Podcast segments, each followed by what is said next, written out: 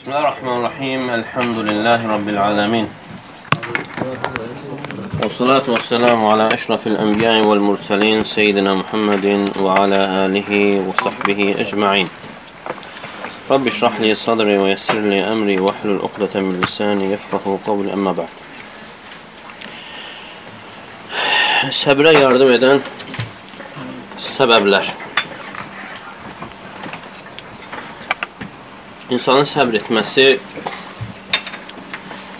yəni Allah Taala tərəfindən bir bəxşişdir, yoxsa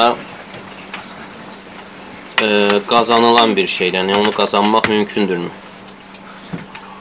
E, və bir çox insanlar müsibət zamanı e, özündən çıxarkən ona nəsihət edildiyi zaman e, deyir ki, Allah Teala mənə səbir verməyib.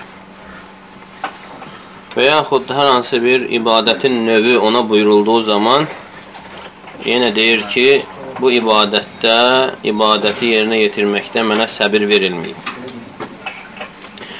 Elə zənn edir, elə etiqad edir ki, e, səbir yalnız bir bəxşişdir Allah Teala tərəfindən Yəni, insan onu əldə edə bilməz.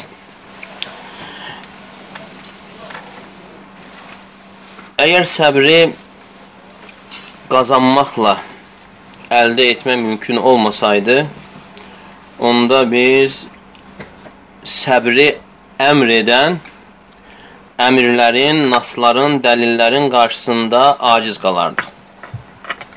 Necə ki, sünnədə e, səbrin qazanılması mümkün olan bir əxlaq olaraq gəlmişdir.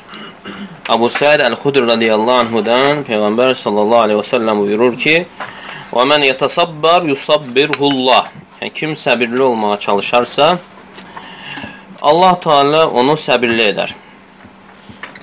Həmçinin yenə bilməliyik ki, yəni insanlar öz yaradılışında, e, fitrətlərində e, bəziləri digərlərindən səbir, dözüm baxımından daha üstündürlər.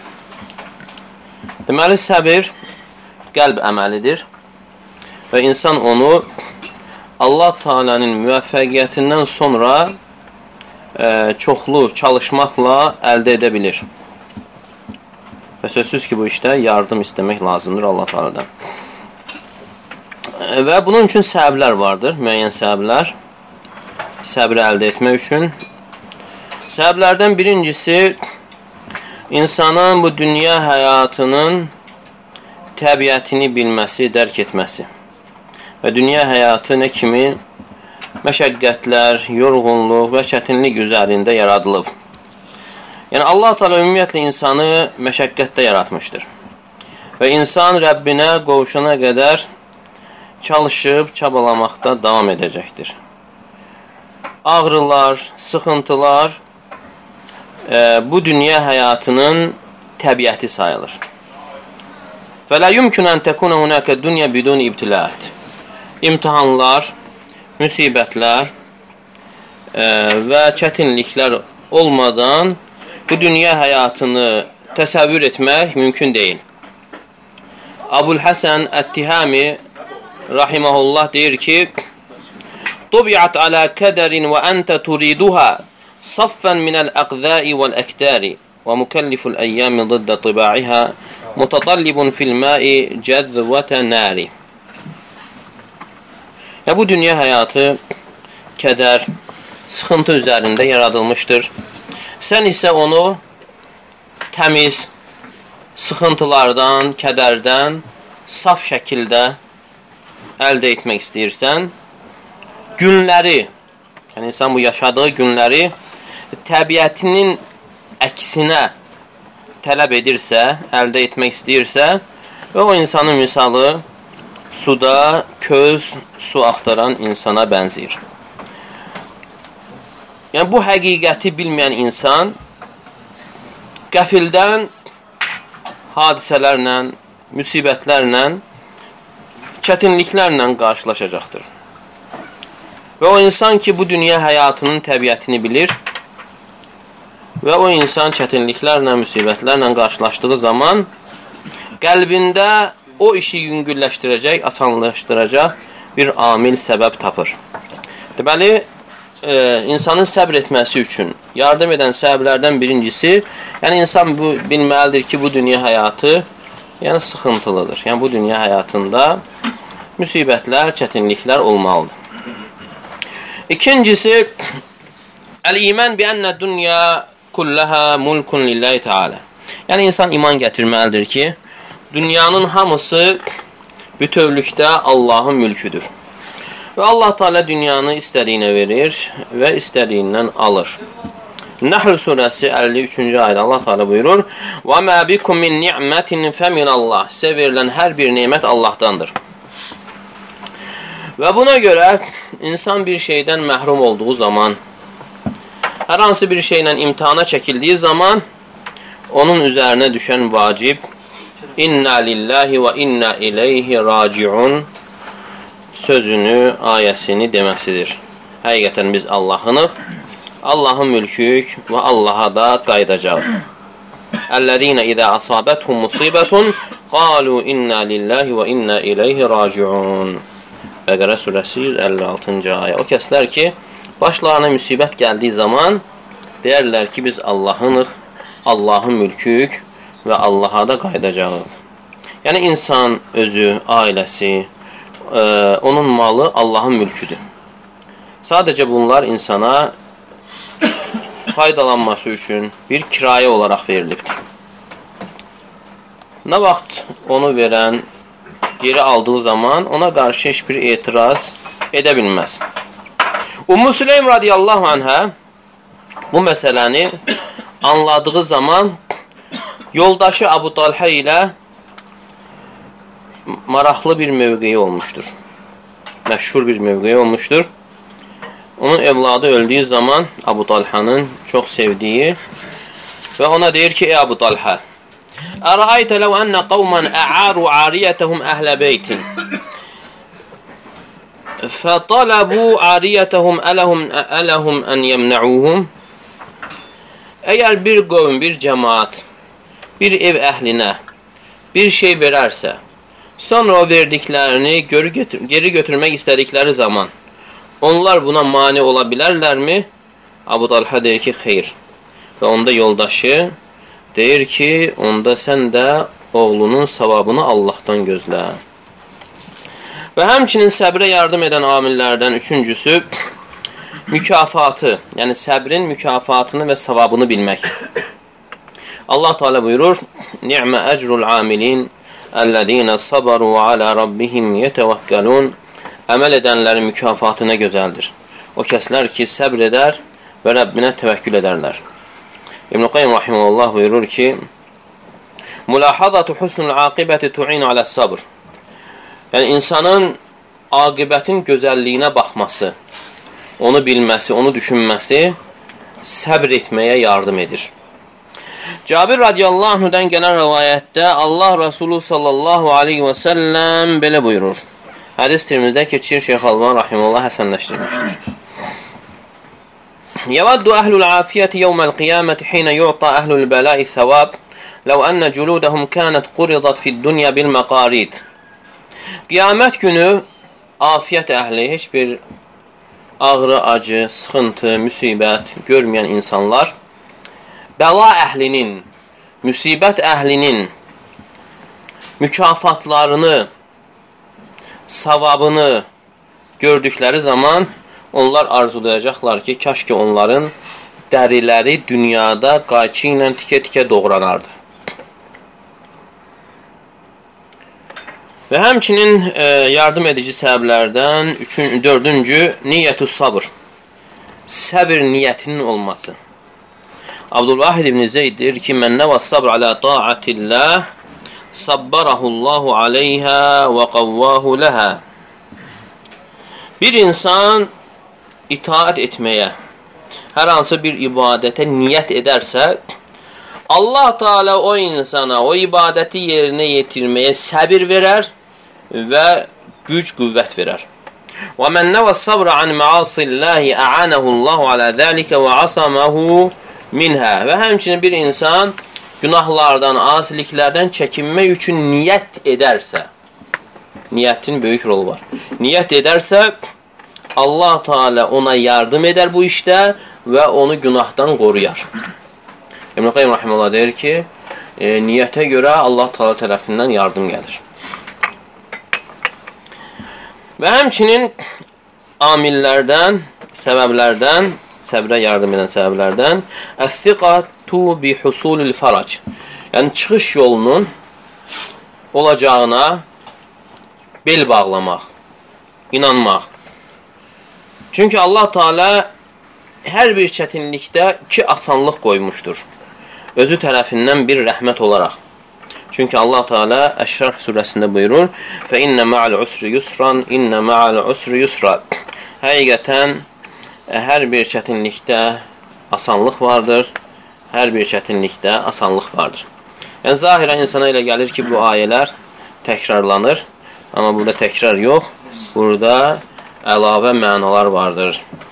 Çünki burada usur sözü əl, əl artiklı ilə gəldiyinə görə iki ayədə də çətinliyin bir dənə olmasını bildirir və yusran sözü isə qeyri-müəyyənlikdə gəldiyinə görə asan, asanlığın birdən çox, yəni iki olduğunu bildirir və buna görə də İbn Abbas radiyallahu anhuma deyir ki, lən yəqlibə usrun yusrayni, yəni bir çətinlik iki asanlığa üstün gələ bilməz. Yəni bir çətinlikdə iki asanlıq vardır. Allah Teala müsibətin miqdarına görə yardım göndərir. Və Allah Teala da vədinə xilaf çıxan deyildir. Rum surəsi 60-cı ayədə Allah Teala buyurur: "Fasbir inna va'dallahi haqq." Sən səbirli ol. Həqiqətən Allahın vədi haqqdır. "Və la yestaxiffennekellezine la yuqinun." Yəqinlə inanmayanlar, iman gətirməyənlər səni yerindən oynatmasınlar. Və budur, Yaqub aleyhissalam Yusuf aleyhissalamı itirdiyi zaman və həmçinin iki evladını da itirdiyi zaman dedi ki, fəsabrun cəmil, yəni gözəl səbr edəcəyəm. Gözəl səbir hansı səbirdir? O səbir ki, orada heç bir qəzəblənmək, etiraz, və özündən çıxmaq artıq hərəkətlər olmayan səbirdir. Və həmçinin deyir ki, Asallahu ən yətiyəni bihim cəmi'a. Yəni, mən ümid edirəm ki, Allah Teala onların hamısını mənə gətirəcəkdir. Birinci Yusuf Aleyhisselam itirir və ondan sonra onun qardaşı Binyamin və ondan sonra e, orada böyük qardaşı gözləyərkən onu da itirir. Amma yenə ümidini üzmür. Deyir ki, Allah Teala onların hamısını mənə gətirəcəkdir. Və şəkə bəffəhu və hüznəhu ilallah və öz şikayətini, hüznünü Allaha tərəf qaldırır. E, yenə Allah təala buyurur: "İnnəmə əşku bəssi və hüzni ilallah." Mən öz şikayətimi, öz e, hüznümü, kədərimi Allaha edirəm. Və ləm yəşku iləl məxluqin. Yəni insanlara, məxluqa şikayət etmədi. Və bundan sonra çıxış yolu açıldı. Allah Teala evladlarının hamısını onun yanında cəm etdi. Və həmçinin səbrə yardım edən səbəblərdən əl-isti'anətu billah. Allahdan yardım istəmək, Allaha sığınmaq. Necə ki Allah Teala buyurur Ən-Nəhl surəsi 127-ci ayədə: "Vasbir və mə sabruka illə billah." Sən səbirli ol, səbr et və sənin səbr etməyin Allahın yardımı ilədir. Sən səbr et və bil ki, sənin səbr etməyin də Allahın yardımı sayəsindədir. İbn Kəsir rahimehullah ayənin təfsirində buyurur ki: "İxbar bi enne sabra la yunalu illa bi məşiətihi və i'anətihi və havlihi və quvvətihi." Yəni burada Allah Teala xəbər verir ki, səbir yalnız Allahın istəyi, Allahın yardımı, Allahın gücü, qüvvəti sayəsində hasil olur, baş verir. Yəni insan onunla səbrə nail ola bilər. Və həmçinin səbrə yardım edən səbəblərdən Fəinnəl iman bil qada vəl qadar min a'zami mə yu'in alə sabr və insanı həqiqətən qəza və qədərə güclü şəkildə iman gətirməsi iman gətirməsi səbrə yardım edən ən böyük səbəblərdən sayılır.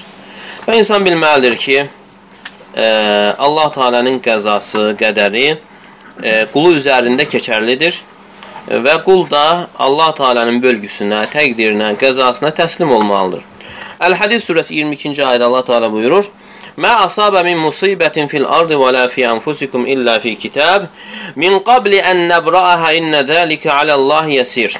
Yer üzərində baş verən və həmçinin sizin özünüzə üz verən elə bir müsibət yoxdur ki, biz onu yaratmazdan əvvəl o kitabda, lövh-ü məhfuzda olmasın.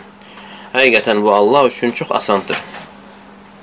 Və bundan sonra insan yenə bilməlidir ki, insanın özündən çıxması və artıq hərəkətlər etməsi, üz döndərməsi, şikayətlənməsi heç bir fayda vermir və həmçinin itirdiyi şeyi geri qaytarmır. Və ağıllı insan da müsibət zamanı səbirlə bəzənən insandır. Cahilin əksi olaraq. Cahil özündən çıxır, vacibəni qoparır, yenə də sonda o da səbir edir. وَلَوْ أَنَّهُ صَبَرَ مُنْذُ اللَّحْظَةِ الْأُولَى لَكَانَ خَيْرًا لَهُ Əgər o insan da ilk anlardan səbr etsəydi, onun üçün daha xeyirli olardı. Və həmçinin səbrə yardım edən səbəblərdən معرفة أن الابتلاء فيه إشعار بصلاح العبد المبتلى على حسب قوة البلاء Yəni, həmçin insan bilməlidir ki, imtihan, müsibət, imtihana düşər olan insanın salih olmasına bir işarədir. Başına müsibət gələn insanın salih olmasına bir işarədir və o da müsibətin miqdarına görə, gücünə görə. Səad radiyallahu anh gələn rəvayətdə deyir ki, Qultu ya Rasulallah, Eyyün nəsi əşəddu bələn. Dedim ki, ey Allahın elçisi, insanlar içərisində ən şiddətli bəlaya məruz qalan, düşər olan kimdir? Dedi ki, əl-ənbiyə, thumməl-əmthəlu fəl-əmthəl. Peyğəmbərlər, sonra onlara daha yaxın olanlar, sonra onlara daha yaxın olanlardır. Fəyubtələr rəculu alə həsəbi dini və insan dininə görə, dinində olan, imanında olan gücə görə, miqdarına görə imtihana çəkilir. Fəin kənə dinuhu, dinuhu sulbən işdəddə vələv. Əgər dinində möhkəm olarsa, bəla da, müsibət də şiddətli olar. Və in kənə fi dinihi riqqa ubtuli alə həsəbi dini. Əgər dinində incəlik, dinində yumuşaqlıq, naziklik varsa, dininə görə imtihana çəkilir. Fəmə yəbrahul bələu bil abdi həttə yətrukahu yəmşi aləl ardi mə aleyh xatiyyə. Və müsibət insanda o qədər davam edər ki, nəhayət insan yer üzərində gəzər, üzərində heç bir günah qalmadığı halda. Həmçinin səbrə yardım edən səbəblərdən 9-cu e, səbr edənlərin qissələrini, hekayətlərini düşünmək səbrə yardım edən ən böyük səbəblərdən sayılır. Peyğəmbərlərin hekayələri kimi həqiqətən bu insanın öyrənməsi üçün səbrin mahiyyətini, həqiqətini, necəliyini öyrənmək üçün bir mədrəsədir. Çünki peyğəmbərlər də peyğəmbərlər olmazdan əvvəl də onlar bizim kimi bir bəşərdirlər. Və budur Nuh aleyhissalam qövmünü dəvət edərkən səbr etdi. Böyük şəkildə səbr etdi. 1000 il, 950 il dəvət, cihad, çağırış və qövmü tərəfindən olan əziyyətə, istehza olunmaq, məsxərəyə səbr etdi. Onu dəliliklə, zəlalətlə ittiham etdilər. Bütün bunlara qarşı qarşılıq olaraq o səbr etdi. E, və hətta dedilər ki, Lə illəm təntəhi yə Nuhu lətəkunənnə minəl marcumin. Dedilər ki, ey Nuh, əgər sən bu dəvətinə son qoymasan, daşqalaq olunanlardan olacaqsan. Və buna da səbr etdi. Və həmçinin İbrahim əleyhissalam böyük bir imtihana məruz qaldı. Fəsabara sabral muvahhidil muqim bi vaadillah. Allahın vədinə iman gətirən yəqinliklə ima, inanan tövhid əhlinin səbri kimi səbr etdi.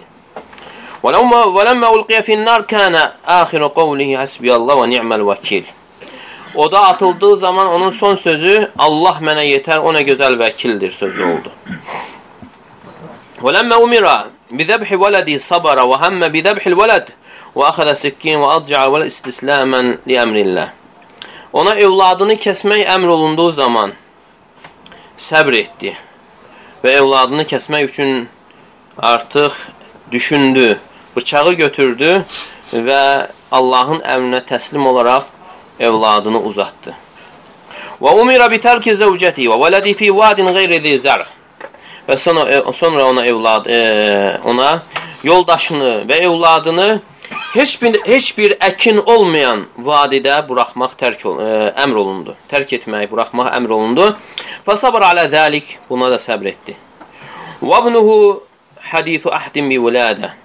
Və İbrahim kana aqima. E, və evladı da tezə olmuşdu. Və İbrahim əleyhissalam yəni evladı olmurdu.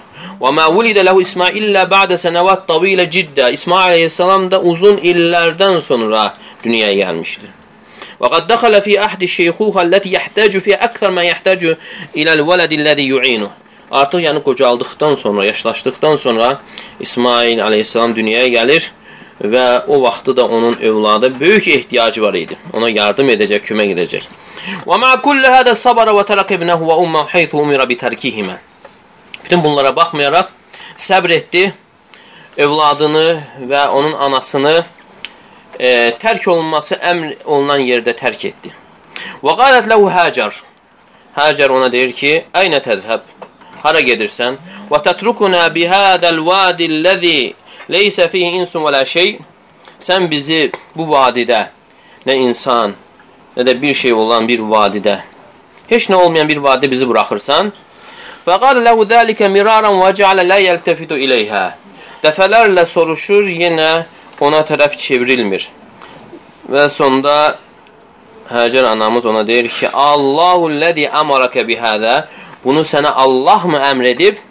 Onda İbrahim əleyhissalam deyir ki, bəli, qalət idən lə yudayyana. Deyir ki, Allah Teala əmr edibsə, o bizi itirməyəcəkdir. Fəraca İbrahim lişşəm və rəzəqəhullah min sərəbi İshaq. Və İbrahim əleyhissalam sonra Şama qayıdır və Allah Teala Saradan da ona İshaq adında evladı bəxş edir. Və min varaihi Yaqub, İshaqın da e, onun da arxasınca Yaqub olur. İshaq əleyhissalam Yaqub adında evladı olur. Və ənəm alə İsmail və ummi bizəmzəm və qeyrihi minən ni'am. Və Allah Teala İsmail əleyhissalam onun anasına zəmzəm suyunu nemət olaraq bəxş edir və digər nemətləri. Və həmçinin Musa əleyhissalam da qövmü tərəfindən əziyyətlərə məruz qalır e, və qövmünü bu çətinliklərlə dəvət edir və həmçinin Firon onu qovarkən o təhdidlərə, o əziyyətlərə e, səbr edir və nəhayət Allah Teala Fironu e, yəni məhv edir. Və sabr alə bəni İsrailə dəlik ma'adəhum ləhu və bundan sonra bəni İsrailə və onların əziyyətinə də Musa aleyhissalam səbr edir. Və Peyğəmbər s.ə.v ona əziyyət verildiyi zaman qardaşı Musa aleyhissalamı xatırlayır və deyir ki, Yərhamullahu Musa qad udiyə bi əksərə min hələ fəsabar. Deyir, Allah Teala deyir, Musaya rəhm etsindir. Və o bundan da dəfələrlə artıq yəni əziyyətlərə məruz qalmışdı. Bütün bunlara səbr etdi. Həmçinin Peyğəmbərlərin sonuncusu, yəni İsa aleyhissalam da həmçinin Bəni İsrail tərəfindən batil ittihamlar ona yönəldildi və onu öldürməyə yəni hilə qurmuşdular, çarmığa çəkməyə və bütün bunlara səbr etdi, Allah təala onu göyə qaldırdı. Və peyğəmbərlərin sonuncusu da Muhammed sallallahu əleyhi və səlləm də e, əziyyətlərə məruz qalıb və ölkəsindən çıxarılıb və onun haqqında e, dəli, sehirbaz, yalançı, xain e, sözlər söyləmişlər. Və sadiq insan, yəni doğru danışan üçün ən ağır gələn, ən şiddətli olan onun yalanla ittiham olunmasıdır. Və həmçinin ağıllı insan üçün ən ağır gələn onun dəliliklə ittiham olunmasıdır. Əmin insan üçün ən ağır gələn onun xəyanətlə ittiham olunmasıdır. Və əşəddu şeyin aləl mu'min ən yuqal anhu şair. Və mümin üçün ən ağır olan onun e, ona şair, seyirbaz, dəli deyilməsidir. Və qad kana sallallahu aleyhi və səlləm əkməlul xalqi və astaquhum və aqaluhum. Və Peyğəmbərimiz sallallahu aleyhi və səlləm də insanlar içərisində ən kamili, ən doğru danışan və ən ağıllısı olub. Və vada'u lehu şevke və axracu min bələdi. Onun yoluna tikan atardılar və onu ölkəsindən çıxartdılar və onu öldürməyi düşündülər və hilə qurdular, məşvərət etdilər. Ənfəl surəsi 30-cu ayda Allah Teala buyurur: "Və iz yemkuru bikellezine keferu liyuthbituka aw yaqtuluka aw yukhrijuk." Sən xatırla ki, o vaxt kafirlər səni həbs etmək və yaxud öldürmək və yaxud səni ölkəndən çıxartmaq üçün hilə qurmuşdular. Və qatalu ba'da ashabihi və sahabələrin bəzilərini öldürdülər və bəzilərini əzab verdilər. Və əşəddu şeyin aləl-nəbi ən yara ətba'ahu yuttahadun və yaqtalun əmamə.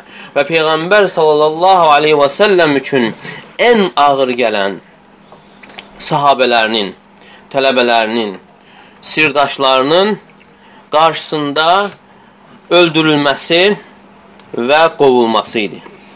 فكان يمر على ياسر وسمية فيقول لهما صبرا يا آل ياسر فإن موعدكم الجنة və Yasirin və Sümeyyanın yanından keçərkən Peyğəmbər s.ə.v onlara deyərdi ki, ey Yasirin ailəsi, e, səbr edin, sizin görüş yeriniz cənnətdir.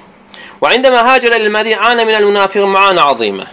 Və bundan sonra, yəni Peyğəmbər s.ə.v Mədinəyə hicrət etdikdən sonra da münafiqlər tərəfindən şiddətli əziyyətlərə də məruz qaldı. Və kifayətdir ki, e, möminlərin anasına atılan ittiham, ifk hadisəsi və sabar alə keydil yahud əlləzinə vada'u ləhusum və həmçinin yahudilərin hiləsinə də səbr etdi. Və onlar onun yeməyinə, Peyğəmbər yeməyinə zəhər qatmışdılar. Fəkənət nəvbətul hummə təntabu hattə mətə fi axir nəvbəti minhə qızdırma Peyğəmbər s.ə.v şiddətli qızdırma keçirirdi. Hətta bir rəvayətdə gəlir ki, sizdən iki kişinin çəkdiyi qızdırmanı çəkirəm. Və bu vaxt aşırı bu qızdırmanın təsiri gəlirdi. Fəkənə dəlikə səbəbi fi intihai əcəli və bu da Peyğəmbər s.ə.v-in əcəlinə səbəb oldu. O zəhərin təsiri qalmışdı. Və hakədə sabara sallallahu aleyhi və səlləm həttə ətəhul yaqin min Rabbi və beləliklə Peyğəmbər sallallahu aleyhi və səlləm səbr etdi e, və Rəbbindən yəqin ona gələnə qədər, yəni ölüm gələnə qədər bə'də ən bəlləğə risələ və əddəl əmanə və risaləti çatdırdıqdan və əmanəti əda etdikdən sonra. Və həmçinin sahabələrdir, Bilaldır, Sümeyyədir, Suheybdir, Ammardır, Miqdəddir. Onlar da şiddətli əzablar verilmiş, onlar bütün bunlara səbr etdilər. Və budur, e, sahabə Xubeyb radiyallahu anhu Yuscan liyuqtal və yuslab. E, o tutulur, məhbəsə atılır, öldürülməsi üçün, çarmığa çəkilməsi üçün. Bütün bunlara baxmayaraq deyir ki, fələstu ubali hinə uqtalu muslimə alə eyyi cəmbin kənə lillahi masra'i. Əgər mən müsəlman kimi öldürürlərmsə, harda ölməyi mənim üçün maraqlı deyil. Yəni, əsas mənim üçün müsəlman kimi dünyamı dəyişməyimdir. Və sərə halə hədəl minvə təbiun və təbiut təbiin və bu minvalla da e, tabinlər və onların ardınca gələn salih insanlar davam etmişlər. Və Urva ibn Zübeyr min afadilə təbiin və xiyarihim. Urva ibn Zübeyr radiyallahu anhu tabinlərin ən xeyirli və ən əfsəl kimsələrindən olub. Kənə ləhu vələd ismuhu Muhammed ibn əhs min əhsənin nəsi vəcəhə və onun bir evladı var idi, adı Muhammed. İnsanlar içərisində ən gözəl, üzlü bir kimsə idi. Dəxalə aləl-valid fi thiyabin cəmilə. Validin yanına daxil olur, gözəl paltarda. Əl-valid deyir ki, yəni Qureyşin cavanları belə olmalıdır. Və ləm yəd'u lehu bil barakə. Ona bərəkətlə dua etmir. Ona gözü dəyir. Fəxaraca Muhammed ibn Urva minəl məclis fəvəqa fi istabl lid-dawab fələ zalət dawab tatav həttə mət. Və oradan çıxanda, məclisdən çıxanda heyvanların saxladığı yerdə orada yıxılır və üzərinə heyvanlar o qədər keçir ki, axırda ölür. Thumma vaqatil akilə ba'də zəlik fi ricl urva. Bundan sonra e, urvanın ayağına bir xəstəlik üz verir. Və qalu la buddə min qat'iha və nəşrə bil minşar hatta la təsri li əmakin cəsədil uxra fəyahlək. Və ona deyirlər ki, sənin ayağın kəsilməlidir ki, o xəstəlik bədənin başqa yerinə keçməsin. Keçsə sən həlak olacaqsan. Fənəşəruhu fələmmə vasaləl minşər iləl qasabə vada rasu aləl visadə fəğuşi aleyhi. Və onu ayağını kəsərkən sümyə dirəndiyi zaman, yəni mişar sümyə dirəndiyi zaman və başını balışa yastığa qoyur və özündən gedir, bayılır. Thumma afaqa wal araqu yatahaddaru min wajhi və huve yuhallilu və yukabbiru və yadhkurullah. Sonra ayılır və ayıldığı zaman onun üzündən tər axır və o isə la ilahe illallah, Allahu ekber sözlərini deyərək Allahı zikr edir. فأخذها وجعل يقبلها ويقلبها في يده və bundan sonra kəsilmiş ayağını əllərinə götürərək, əlinə götürərək ayağını öpür. ayağını öpür və deyir ki: "Əmə vəllazi hamalani aleyk." İnnehu le ya'lemu enneni ma meşeytu bika ila haramin ve la ila ma'siyetin ve la ila ma la yurdillah. Məni sənin üzərində daşıyana and olsun ki, yəni Allaha and içir. Ayağa xitab edərək deyir ki, məni sənin üzərində daşıyana and olsun ki, o bilir. O bilir ki, mən heç vaxt səninlə günaha getməmişəm. Harama tərəf getməmişəm. Və səninlə Allahı razı salmayacaq bir işə getməmişəm. Thumma umira biha fəğusilat və tuyyibət və kuffinə. Sonra əmr edir ki, yəni ayaq yuyulur, sonra ətirlənir, sonra ayağı kəfənləyirlər. Və əmra biha ən tuqaddam iləl məqbara və ləmmə adə min səfərihi بعدن بترت رجله وفقد ولده قال لقد لقينا min səfərinə hada nasaba sonra ayağını qəbirstanlıqda basdırdıqdan sonra dəfn etdikdən sonra qayıdır və həm övladını itirib, həm ayağını və deyir ki, biz bu səfərimizdə e, böyük yorğunluqla, çətinliklə, məşəqqətlə qarşılaşdıq. وَلَمَّا قَالَ لَهُ أَنْ أَسْقِيكَ شَيْئًا يُزِيلُ عَقْلَكَ حَتَّى لَا تَشْعُرَ بِالْأَلَمِ Və onu, onun ayağını kəsərkən ona deyirlər ki, sənə bir şey içirəkmi, ağlını itirəsən və ağrını hiss etməyəsən. Və deyir ki, innəmə ibtələni liyara sabri. Deyir, Allah Teala məni imtihana çəkib ki, mənim səbrimi görmək üçün. Yəni, razı olmur. Yəni, mənim səbrimi görmək üçün məni imtihana çəkib. Və budur həmçinin Əhməd ibn Nasr Əl-Xuzai e, böyük sələf alimlərindən olub, haqqı deyən, yaxşını əmr edən, pisdən çəkindirənlərdən olub. Səbətə fi mihnəti xalqil Qur'an və Qur'anın məxluqdur deyilən bir fitnəsi olub, imtihanı olub o vaxtlar Əhməd Mühəmbəlin dövründə və onu Samura şəhərinə aparırlar e, və əl qolu bağlanmış halda oturur. Və uridə aleyhi əl-qol bi xalqil Quran fərafat. Ona ərz edirlər ki, sən deməlisən Quran məxluqdur, yaranıb. Və o isə bunu rədd edir. E, və onun boynu vurulur. Və nusibə rəsuhu bil cənibi şərqi min Bağdad və Bağdadın şərq tərəfində onun başını qaldırırlar. Yaqul Cəfər ibn Muhammed Sağir Rəaytu Əhməd ibn Nasr el-Xuzə hinə qutilə qalə Rasul la ilahə illallah. Cəfər ibn Muhammed Sağir deyir ki, mən gördüm ki, Əhməd ibn Nasr el-Xuzəyinin başı kəsilərkən onun başı lə iləhə illallah sözündədir. Və bu da deyir, onun kəramətindən idi. Baş kəsildikdən sonra lə iləhə illallah sözündədir. Qal İmam Əhməd rahimehullah anhu cədə bi nəfsi fi səbilillah.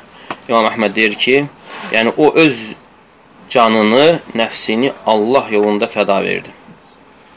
Və həmçinin İmam Əhməd özü keyfə sabara fi mihnəti xalqil Quran. Həmən fitnədə necə səbr etdi?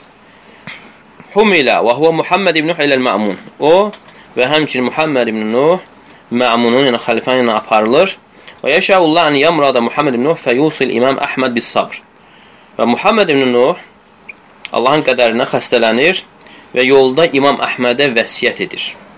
Səbri tövsiyə edir. Və Muhammed ibn Nuh isə yolda dünyasını dəyişir. Və yuxadın İmam Əhməd rahiməllah muqayyədən və bağlanmış halda qandallarla İmam Əhməd aparılır ودخل عليه بعض الناس قبل الدخول على الخليفة يذكرون بأحاديث في, في التقiyyə və xəlifənin yanına girməzdən əvvəl bəzi insanlar onun yanına gələrək təqiyyə barəsində bəzi hədisləri gətirirlər. Yəni, e, təqiyyə əhl-i sünnədə ən şiddətli, ağır məqamlarda caizdir, icazəlidir. İcazəlidir, amma rafizlərdə isə təqiyyə dinin əsasıdır təqiyyəsi olmayan dini yoxdur. Amma əhl-i sünnədə isə, yəni insan ölümlə, şiddətli əzabla e, qarşılaşarsa, yəni qəlbində doğru bir şeyi nəzərdə tutaraq dini ilə başqa bir şey deməsi caizdir. Yəni bu barədə hədislər var, hədisləri gətirirlər. Və la yumkin lil mar ində şiddət an yuwari hatta tamdi al asifə. Və annahu yumkin lil mar. Yəni bu hədislər onu e, bildirir ki, onu ifadə edir ki, yəni insan e, çətinlikdə e, tövriyə edə bilər. Fəqalə keyfə tasnav bi hadis Xabbab. Və onda İmam Əhməd rahimehullah onlara cavab verir ki, yaxşı, Xabbabin hədisinə nə deyirsiniz? Xabbab ibn Aratın hədisi var ə, və orada deyir ki, biz Peyğəmbər sallallahu aleyhi və səlləmə şikayətləndik. Və dedik ki, Ələ təstansir lənə, ələ təd'ullaha lənə. Və onlar sahabələr şiddətli, yəni müsibətlərə, əzablara məruz qalırdılar və artıq çıxılmaz bir vəziyyətdə idilər və Peyğəmbər s.ə.v Kəbənin kölgəsində oturmuşdu və gəlib deyirlər ki, ya Rasulullah, bizim üçün Allaha dua etmirsən, artıq beziblər. Bizim üçün Allahdan yardım istəmirsənmi? Və Peyğəmbər sallallahu onlar deyir ki: "Kana racul fi men qablakum yuhfar lahu fil ard feyuj'al fi feyujabil min şa feyuda ala rasi feyushaqqu bi ithnayn və ma yasudduhu zalika an dini." Və Peyğəmbər sallallahu xatırladı ki, sizdən əvvəl elə insanlar olardı ki, quyu qazılar və o insanı quyuya qoyardılar və sonra mişarla mişarı onun başının ortasına qoyaraq insanı ikiyə ayırardılar. Bu onu Allahın dinindən döndərməzdi. Və sonra dəmir daraqlarla onun ətini sümüyündən ayırardılar, bu onu dinindən döndərməzdi. Və bunu eşidəndə, o, hansı ki, ona digər hədisləri gətirənlər, ondan ümidlərini kəsirlər, məyus olurlar və İmam Əhmədi tərk edirlər. Və sonra İmam Əhməd deyir ki, Allahümmə lə turini vəchəl mə'mum. Mə'mun. Allah mənə mə'munun, o xəlifənin e, üzünü mənə göstərmə deyə dua edir. Fəmətəl mə'mun qablə ən yaslı Əhməd. İmam Əhməd çatmazdan əvvəl Məmun ölür. Və uyunəl xəlifə ləzi ba'dahu vəl mihnə məzələt. Sonra başqa xəlifə təyin olunur, amma yenə o imtihan davam edir. Fəyəqul fəyəqul lehu ba'duhum ya Əhməd innəhə vallahi nəfsuk innehu la yaqtuluk bis-sey velakin yadribu darban ba'da darb hatta tamud fa abar rucu. Və ona deyirlər ki, yəni bu qılınc deyil. Səni döyürlər, vururlar, nəfsindir, yəni əzab çəkəcəksən, ağır olacaq, şiddətli olacaq yenə boyun qaçır, yenə demir. وقال الخليفة الإمام أحمد أتعرف صالح الرشيدي قال سمعت فقال الخليفة كان مؤدبا فسألته عن القرآن فخالفه فأمرت فأمرت به فبوطي وسحب حتى مات Hətta başqalarını da yəni xatırladılar ki, onlar demədilər, onlar da yəni əzabla öldürüldülər. Yəni İmam Əhməd də yəni bu işgəncələrə e, səbr edir. E, Hə, onu döyürlər. Hətta və haqqətə səmə amildar, hətta dəhəbə aqlu və İmam Əhmədin də ağlı da gedir. Ə, öz əlləri qandalda. Fəqaləhu racul kəbəbnək alə vəci və cəalnə fəvqə hasira. Deyirlər ki, biz səni çevirmişdik üz üstə və sonra üzərinə həsir saldıq və sonra səni tapdaladıq. İmam Əhməd deyir ki, mən bu bunları hiss etmədimdir. Thumma makatha fi sijn hatta khuli anhu ba'da 28 şəhra. Sonra zindana atırlar 28 ay orada qalır. Sələflərdən biri İmam Əhməd haqqında deyir ki, Raculun hənət aleyhi nəfsu fi səbilillah fəbədələhə. Yəni, o elə bir insan idi ki, onun nəfsi Allah yolunda ucuz idi. Allahın yolunda ucuz idi, ona görə sərf elədi. Kəmə hənət alə bilən nəfsi, nəfsu ləvlə əhməllə zəhəbəl İslam e, və necə ki, Bilal radiyallahu anhuya o Allah üçün onun nəfsi ucuz olmuşdu. Əgər də İmam Əhməd olmasaydı, İslam deyə gedərdi. فسير هؤلاء العظماء إذا تذكر المرء حال şiddətu və mihnətu mihnəti əanətu alə sabri və təcəlli və ədəm cizə. Və insanın da belə insanların, bu böyük insanların səbrini xatırlaması insana dözməyi və səbirli olmağa yardım edər. Və bundan sonra səbrə zid olan afatlar, bəlalar İnnə kullə əməl min əməl xeyr tuvacu ba'dul avaq. Hər bir xeyir əməldə də müəyyən manelər vardır hansı ki, o yolda insanın qarşısına çıxır, insanın yolunu davam etdirməsinə mani olur. Və həmçində səbr yolunda da ona zid olan müəyyən manilər var. O manilərdən ən mühüm olan tələsməkdir. İnnəl insan fi tabiati və cibilləti acul. Yəni, insan deyil, təbiətcə tələskəndir. Çünki Allah Teala onu bu formada yaratmışdır. Ənbiya 37-də Allah Teala buyurur: "Xuliqal insanu min acəl." Yəni insan tələskən olaraq yaradılıb. Fəalal insan yəni yetəənna və yasbir hatta yahsul ala thəmara walau ba'da hin. Yəni insan deyir təmkinli olmalı. Səbirli olmalı. Yəni müəyyən vaxtdan sonra olsa da, yəni meyvəni dərmək üçün, bəhrəsini əldə etmək üçün. Və qad əmara subhanahu nəbiyyehu bis sabr və adam isti'cal usva bil anbiya us bil ulul azm. Həmçinin Allah Teala e, peyğəmbərinə e, səbr etməyi əmr etmişdir, tələsməməyi və qətiyyət sahibi olan peyğəmbərləri nümunə götürərək. Ahqaf surəsi 35-ci ayədə Allah Teala buyurur: "Fasbir kema sabara ulul azmi minar-rusul və la testa'cil lahum." Qətiyyət sahibi olan peyğəmbərlərin səbr etdiyi kimi sən də səbr et və onlara qarşı tələsmə. وَلَقَدْ بَعَتْ كَثِيرٌ مِنَ الدَّعَوَاتِ الْإِصْلَاحِيَّةِ بِالْفَشَلِ لِأَنَّ أَصْحَابَ اسْتَعْجَلُوا. Yəni bir çox dəvətlər də müvəffəqiyyət qazanmamışlar, e, müvəffəqiyyətsizliyə uğramışlar. Nəyə görə? Onlar e, meyvə dərməzdən əvvəl, dəyməzdən əvvəl onu dərməyə tələsdiklərinə görə. Və həmçinin e, bu yolda olan maneələrdən qəzəblənməkdir. Və hu min afati la tunafi sabr Və bu da səbrə zid olan bir afat, yəni bəladır. Və qad həzzər Allah subhanahu wa ta'ala nəbiyyəhu Muhammedən sallallahu aleyhi və səlləm minəl qadab. Və Allah Teala peyğəmbərini e, qəzəbdən, qəzəblənməkdən çəkindirmişdir. Qələm surəsi 48-ci ayədə Allah Teala buyurur: "Fasbir li hukmi rabbik." Sən Rəbbinin hökmünə səbr et. "Və la takun ka sahibil huti iz nada və huwa makzum." Və sən balıq sahibi kimi, yəni Yunus əleyhissalam kimi olma. O vaxt ki, Allah Taala onu çağırdı, o yəni qeyzli idi. Və həmçinin bu yolda olan maneələrdən e, ümidsizlikdir. Məyus olmaq və huve min azam avaqis sabr. Həmçinin bu da e, səbrin qarşısını alan ən böyük maneələrdən sayılır və buna görə də Allah Taala e, hazzara Yaqub avladahu minhu Yaqub əleyhissalam və evladını bundan, evladlarını bundan çəkindirmişdir. Yusuf surəsi 87-ci ayədə Allah Teala buyurur: "Ya bani yezhabu fatahassasu min Yusuf və axi və la tayasu min ruhillah."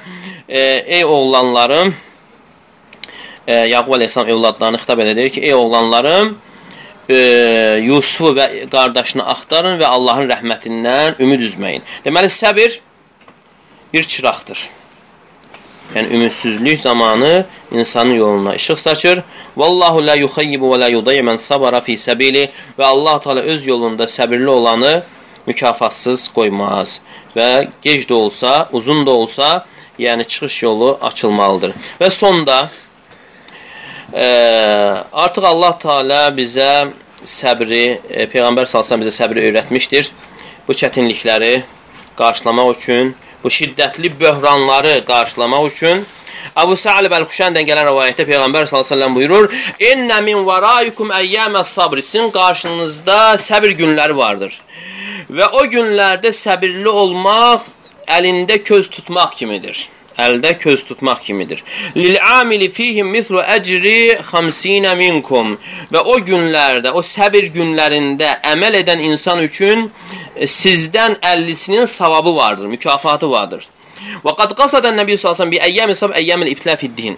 Yəni peyğəmbər sallallahu səbr günləri dediyi zaman dində imtahana çəkilmək günlərini nəzərdə tutub və şiddətli şəhvətlərin geniş vüsət aldığı günləri nəzərdə tutub və həmçin şübhələrin qərar tutduğu günləri nəzərdə tutub. Vəlləti yakunu fiha sabr alə din kal-qabd aləl-cəmr hansı ki o günlərdə səbirli olmaq, səbr etmək, əldə köz tutmaq kimi çətin olacaqdır. Və-sabiru fi tilkal əyyam huvel-mar'u ellezî yasbiru alə dini. O günlərdə səbr edən insan, yəni dini üzərində səbirli olandır. Fələ yetəzəlzəlu bi-şubuhat, yəni şübhələrlə silkələnməyəndir və həmçinin şəhvətlərə boyun əyməyəndir. Və la yad'ufu dinuhu məhmə hasal lahu minəl-azab, nə qədər əzab ona verilsə də dini zəifləməyən insandır. Və innəmə səmməhə əyyəmə sabr li'ənəhu la yusta'malu fiha illa sabr. Nə üçün Peyğəmbər səlləm o günləri səbr günləri adlandırmışdır? Çünki o günlərdə dərman, yəni istifadə olunan yalnız səbirdir və müsəlman üçün o günlərdə səbirdən başqa bir şey yoxdur və sələflər də bunun mühümliyinə diqqət yetirmiş və insanlara e, o bəla günləri üçün səbirlə hazırlaşmağı buyurmuşlar. Hüzeyfə radiyallahu anh buyurur, Təavvadu sabr. Siz səbrə vərdiş edin. Fə innəhu yuşuku ən yenzilə bikumul bələ. Çünki bəlanın gəlməsi sizə yaxındır. e, Abu Darda radiyallahu anh deyir ki, mən ləm yuiddə sabra li fəvaci'ul umur ya'ciz e, çətin günlər üçün çətin günlər üçün səbir hazırlamayan insan o müsibətlər baş verdiyi zaman, çətinliklər gəldiyi zaman aciz qalacaqdır. Və həmçinin e, salihlərin, əvvəlkilərin də tövsiyəsi öz övladlarına səbir olmuşdur və budur e, hikmət sahibi olan, hikmətli sözləri olan Luğman aleyhissalam öv övladına tövsiyədə deyir ki, e, Ya buneyyə, aqimis salat və amur bil ma'ruf və nhanil munkar və asbir alə ma asabək, innə zəlikə min azmil umur. Ey oğlum, namazı iqamə et, yaxşını əmr et, pisdən çəkindir və başına gələnə səbr et. Həqiqətən bu qətiyyətə layiq olan işlərdəndir. Və bu gün də həmçinin e, düşmənlər hər tərəfdən axışıblar e, və iman əhli, təqva əhli zəif sayılıb və ortaya çıxanlar, din adından çıxanlar, çoxsuz zındıqlar, facirlər və fəsad yayılır internet vasitəsilə və digər kanallar vasitəsilə Fəleysə lənəl yevm illə sabr alə taatlə və bu gün də üzərimizə düşən yalnız itaətdə səbr etmək, günahlara qarşı səbr etmək və qədərlərdə səbr etməkdir. Fəya daifəl azmi ət-tariq tavil. Ey qətiyyəti zəif olan kimsə. Yol uzundur. Bu yolda Adəm əleyhissalam yorulmuşdur və bu yolda Nuh əleyhissalam çalışmışdır və bu yolda İbrahim əleyhissalam oda atılmışdır və İsmail əleyhissalam kəsilmək üçün yatdırılmışdır. Və şuqqa bil minşari Zəkəriyyə və Zəkəriyyə aleyhissalam mişarla kəsilmişdir. Və zubihəl hasuru Yahya və Yahya aleyhissalamın başı kəsilmişdir. Və qasəd dur Əyyub aleyhissalam və həmçinin o çətinliyə, ağrıya, xəstəliyə İbrahim, Əyyub aleyhissalam məruz qalmış. Və zədə aləl miqdari buka Davud və həmçə həddindən artıq Davud əleyhissalamın ağlaması çoxalmışdır. Və tuhmə bis sihr vəl cunun nəbiyyullahil kərim və sehirlə və dəlillik, dəlilliklə, dəlilliklə Allahın peyğəmbəri Muhammed sallallahu aleyhi və səlləm ittiham olunmuş və onun ön dişləri sındırılmış və başı və üzü yaralanmışdır və Umar radiyallahu anhu vurularaq öldürülmüşdür və İbn-i Museyyibə əzab verilmişdir. Həmçin Malik rahimullahya fələ səbilə illə sabr bu yolda yalnız yol e, dərman səbirdir. Və aləm ənə sabrə məhmə şəqqə aleyk və sa'və fə innə adəmü ashab. Və bil ki, bu yolda səbir nə qədər sənə çətin olsa da, ağır olsa da, səbir etməmək ondan da çətindir. Liənnə sabrə an məharimillahi teala aysar minə sabr alə əzəbi cəhənnəm. Çünki haramlara qarşı səbr etmək, cəhənnəm əzabına səbr etməkdən daha asandır. Və itaətdə səbir, səbir etmək isə qandallara səbr etməkdən daha xeyirlidir. Fə ni'məl mənzilətu hiyə mənzilətus sabr və ən gözəl dərəcə səbir dərəcəsidir. Və ni'məl xuluq huwa xuluqus sabr və ən gözəl əxlaq da səbir əxlaqıdır. Və ni'məl əhlu əhlus sabr və gözəl insanlar da səbir əhlidir. Allahumma ec'alna minəllezina fatahu babas sabr və sonunda dua edərək Allah Taala istəyir ki, Allah Taala bizə səbir qapısını açsın. Və orada muxanadiqal cəza və e, özündən çıxmaq, yəni xəndəklərini keçənlərdən etsin. Allahumma cəal minəllezina əşar ileyhim a'lamul e, hidayə. Yəni başqa yaxşı insanların, müttəqilərin nümunə götürdüyü kimsələrdən bizə etsin. Sallallahu əleyhi və səlləm.